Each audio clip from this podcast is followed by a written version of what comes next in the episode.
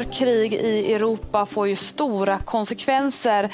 En av dessa saker det kan vi se på bensinpriset här i Sverige. Gasoline prices hit all-time highs in March 2022. The war in Ukraine has pushed up the price of oil to a 10-year high. With Russia under sanctions, prices could continue to go higher. Ja, så här har det låtit i nyhetsrapporteringen om de stigande bränslepriserna den senaste tiden. Studio DN, idag om olja och gasförsörjningen och andra globala effekter på världshandeln sedan Rysslands invasion av Ukraina. Välkommen, jag heter Ylke Holago. Och nu har jag med mig Carl-Johan von Sett, ekonomikommentator här på Dagens Nyheter. Hej! Hej! Ja, du har ju skrivit i DN om just vad som har hänt i världsekonomin sedan Rysslands invasion av Ukraina. Så jag tänkte börja med precis den frågan. Hur skulle du sammanfatta utvecklingen sedan den 24 februari? Man kan säga att det är många saker som har hänt samtidigt och om man vill sortera upp det lite grann så kan man se det som att det, för det första har vi kriget i Ukraina och sen har vi sanktioner mot Ryssland och Vitryssland i viss mån också. Och sen har vi privata bojkotter eller självsanktioner kan man kalla det för, som västerländska konsumenter och eller omvärldens konsumenter och företag ägnar sig åt. Och sen har vi lite ryska motåtgärder också. Och allt det här går ihop i varandra lite grann, men man kan, man kan bena upp det lite grann utifrån det här sättet att se det helt enkelt. Om vi börjar med själva krigets skådeplats i Ukraina, där, där liksom det rasar ett väldigt våldsamt krig i ett stort land med många människor som befinner sig på flykt. Och där har vi helt enkelt en, ja, det är en ekonomi som ligger i spillror nu en fjärdedel av alla, av alla ukrainare har, har förlorat sina hem eller är på flykt från sina hem. Det, det är ju det, det, värsta eh, som kan hända ett folk och, och eh, människor, men också förstås det, som, det, det värsta som kan hända en ekonomi. Um, och det, det, Ukraina är en liten ekonomi, bara några promille av världsekonomin. Men de, har, de, de gör ju vissa saker som är väldigt viktiga för, för eh, människor långt från, från fronten. Framförallt handlar det om spannmål. Då. Ukraina har väldigt stor spannmålsproduktion i framförallt de södra delarna av landet. Men sen är det också en del industrivaror och, och, och eh, råvaror som, som Ukraina förser omvärlden med som, som är, har stoppats nu. Eh, fabrikerna står still helt enkelt. Det är ingen som kan komma till jobbet. Och eh, kriget påverkar också transporterna vid, vid hamnarna i Svarta havet som är det viktiga hamnar för regionen där Ryssland blockerar alla, alla ukrainska fartyg och hamnarna har stängt helt enkelt. Andra fartyg kan inte heller röra sig där. Sen har vi de, de väldigt hårda sanktionerna mot Ryssland som påverkar också handeln me mellan omvärlden och Ryssland kan man säga. Så när det gäller just eh, bristen på vete och andra spannmål som ju har diskuterats eh, en hel del, kan du och också transporterna. Kan du förklara lite hur de mest kritiska sambanden mellan kriget och dess påverkan och handeln ser ut globalt? Vilka är det som drabbas hårdast av det här just nu? De som blir mest drabbade är de länder i framförallt Mellanöstern och norra Afrika och Afrika som har väldigt stor import från Ukraina av till exempel vete. Och det finns flera länder, Egypten och Libanon till exempel, som har nästan hela sin sin veteimport från, från Ukraina och viss mån Ryssland. Och för er lyssnare som vill höra mer om livsmedelskrisen i krigets spår så lyssna gärna på Studio DN från 15 mars som handlar om just den frågan. Men Carl-Johan, om vi går över lite från livsmedel till råvaror, vilka brister kommer vi att märka av där som ett resultat av kriget? Om vi börjar med bränsle så är Ryssland en av de tre största eh, oljeexportörerna i världen. Och det som har hänt de senaste veckorna, senaste månaden är att det verkar som att det har försvunnit ja, några miljoner fat om dagen från världsmarknaden för att rysk olja inte kan säljas som det har gjort, eh, gjorts förut. Eh, och det är därför vi har sett så snabbt stigande oljepriser efter kriget som nu har gått ner lite grann. Men man kan fundera på om, om eh, den nedgången kommer hålla i sig, om, om den kommer sticka upp igen. Ryssland, är, förutom, förutom olja så handlar det om gas och eh, kol dessutom, som exporteras framförallt till, till Europa. När det handlar om andra råvaror, så, så eh, det som har, som har märkt snabbast, då, är, då handlar det om det som är från Ukraina, som är tvärstopp. Och det handlar om kabelsystem som produceras i Ukraina i fabrikerna där till eh, de europeiska fordonstillverkarna som Volkswagen till exempel. Och Det är små saker i en bil med, med en kabelmatta att sätta in. Men har man inte den pusselbiten så har man inte en bil. Eh, och Det finns andra råvaror som en, en särskild typ av neongas som man måste ha för att etsa vissa kretsar i mikrochip. Och utan den, den gasen som då den, den mesta som används tillverkas i Ukraina så kan man inte, eh, eh, kan inte mikrochipproduktionen då, som framförallt sker i Taiwan till exempel, eh, fortsätta som, som den har gjort förut. Du nämnde här att Ukraina som bekant har en kust mot Svarta havet och att då godstransporterna över havet påverkas av kriget. Och Det är något som jag, inte minst som följer nyhetsrapporteringen i Turkiet, märker av väldigt mycket. Där diskuterar man till exempel problem med eh, import av solrosolja som ju kommer i hög grad från Ukraina. Hur, kan du beskriva hur problemen med godstransporterna påverkar resten av eh, världen? Vad är Svarta havet för plats när det gäller just den här frågan? Eh, Ukraina har hamnar som, som eh, med, med spannmålsmagasin som eh, är viktiga för att leverera det som finns, som har skördats i höstas till exempel, eh, till de länder som har köpt, eller de, ja, de kunder som finns i, i världen. Och när ett ukrainskt fartyg kan inte lämna eh, hamn överhuvudtaget. Och eh, det har hänt eh, åtminstone en gång att ett annat eh, lands fartyg har träffats av missiler i Svarta havet.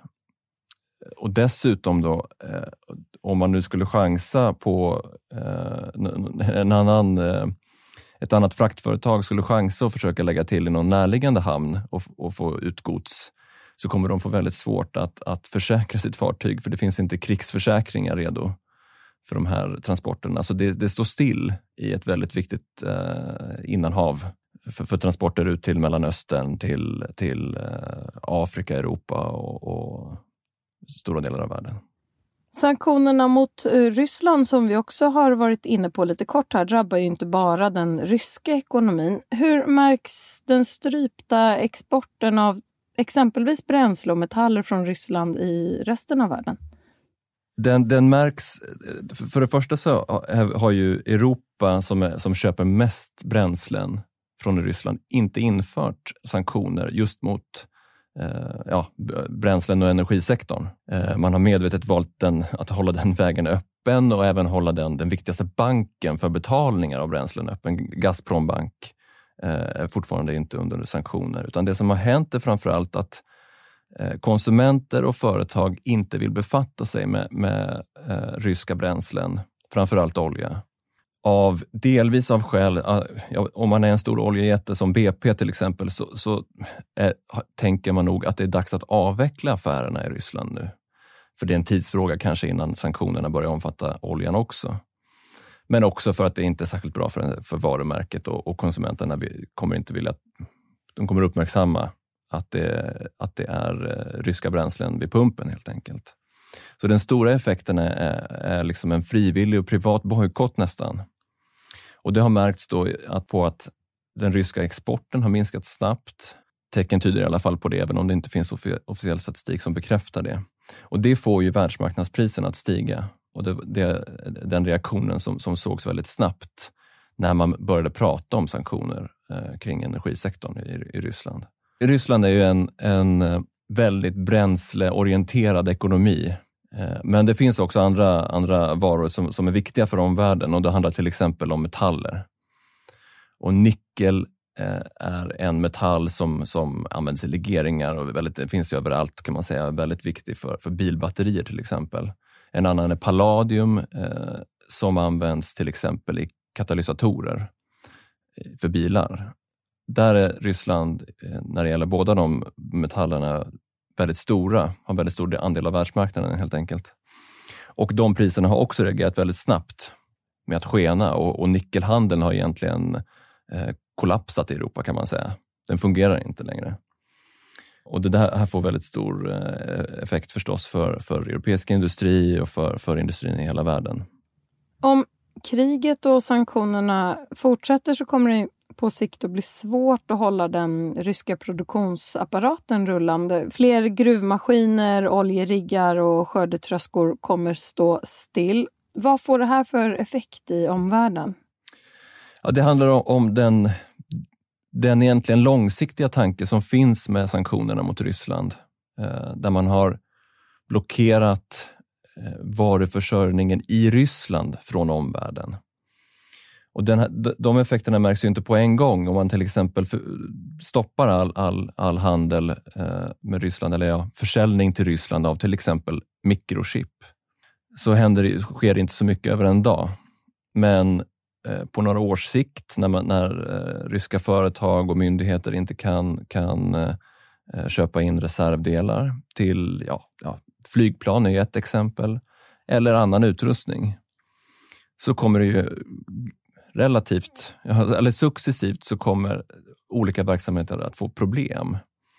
Och då kommer ju ännu mer av de här effekterna att märkas att det som, det som Ryssland förser omvärlden med, det kommer ju inte, ja, och bränslena kommer inte upp ur marken när det står still och, och skördetröskorna kan inte, kan inte bärga skörden på hösten. Eh, och gruvorna kanske också eh, måste dra ner på sin produktion. Men, men det, kommer, eh, det kommer märkas när man tänker på liksom volymerna som finns tillgängliga på världsmarknaden så ligger det längre fram. Nu konstaterar vi ju problem som redan finns och förutspår problem som kommer att komma. Går det att vara proaktiv och förhindra en del av den här negativa utvecklingen och göra någonting åt det i förväg? Och vad i så fall? En sak som, som man, om man tänker på den, den mest akuta frågan som handlar om livsmedelsförsörjning, så är, handlar det om det man har sett under tidigare prisrallyn eller, eller liksom bristsituationer som vi har haft de senaste decennierna är att, att länder ganska snabbt eh, jag reagerar lite panikartat med att stoppa handeln till exempel. Och exportländer, ja, de, som för, de, de som finns kvar och förser världen med, med, med spannmål, eh, kanske ham, börjar hamstra till exempel. Det är en situation som är, som är viktig att, att undvika. Och att den handel som finns eh, kan fortsätta och framförallt till de länder där, där matförsörjningen är som mest skör. Och sen handlar det om om det kommer fortsätta att fattas eh, ja, några miljoner fat om dagen på världsmarknaden för olja. Då, då finns det inte så många andra vägar än att minska olje, oljekonsumtionen under den tiden. Eh, så man kan ju fundera på hur, hur klokt det är att, att eh, många, inte bara Sverige, många länder försöker Eh, hålla emot prisuppgången. Men, pri, men prisuppgången är ju det som, som kan få folk att tänka efter och, och ja, välja bussen istället för bilen eller åka tåg och ja, spara, spara på bränsle helt enkelt.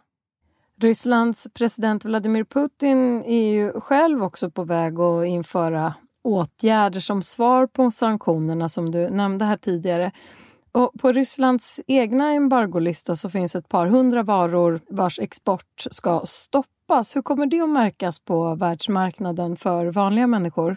Den, den, de åtgärderna är, senast jag tittade i alla fall, inte införda än. Och, och eh, det är nog ett, ett initiativ som ska uppfattas mest som ett hot. Att Ryssland också minsann kan, kan införa åtgärder som, som känns i omvärlden. Det finns inte, det finns inte någon energi och in, inte några viktiga metaller med på den och inte spannmål heller, så vitt jag vet.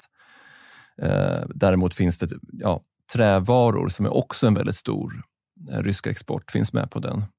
Det har redan setts på, på, på marknaden för eh, den globala marknaden för trävaror att det har, det har blivit, det har, priserna har gått upp och det har blivit det svänger upp och ner som det har gjort på många ställen. Men här handlar det nog mer om, om att det, är ett, eh, ett vapen som, som ryska myndigheter eller liksom ledningen i, i Kreml vill visa upp att de också har. Vi ska börja avrunda här, men jag undrar vad händer härnäst i frå frågan om råvaror och bränslebrist i krigets spår? Den stora känsliga frågan är, är förstås bränsleförsörjningen eller bränsleexporten till Europa. Och om Europa någon gång framöver kommer införa någon typ av stopp. Och då kommer det första, i första hand handla om olja och ja, i andra eller tredje hand om gas som är betydligt knepigare att, att hitta alternativ till till exempel. Eh, det, det som jag håller ögonen på annars är också oljepriset, om, om, för nu har det sjunkit tillbaka igen eh, och då, det får man nästan tolka som att världsmarknaden tror inte att sanktionerna och, och de åtgärder som finns mot Ryssland kommer att i längden eh, ligga kvar och påverka leveransen av olja från Ryssland.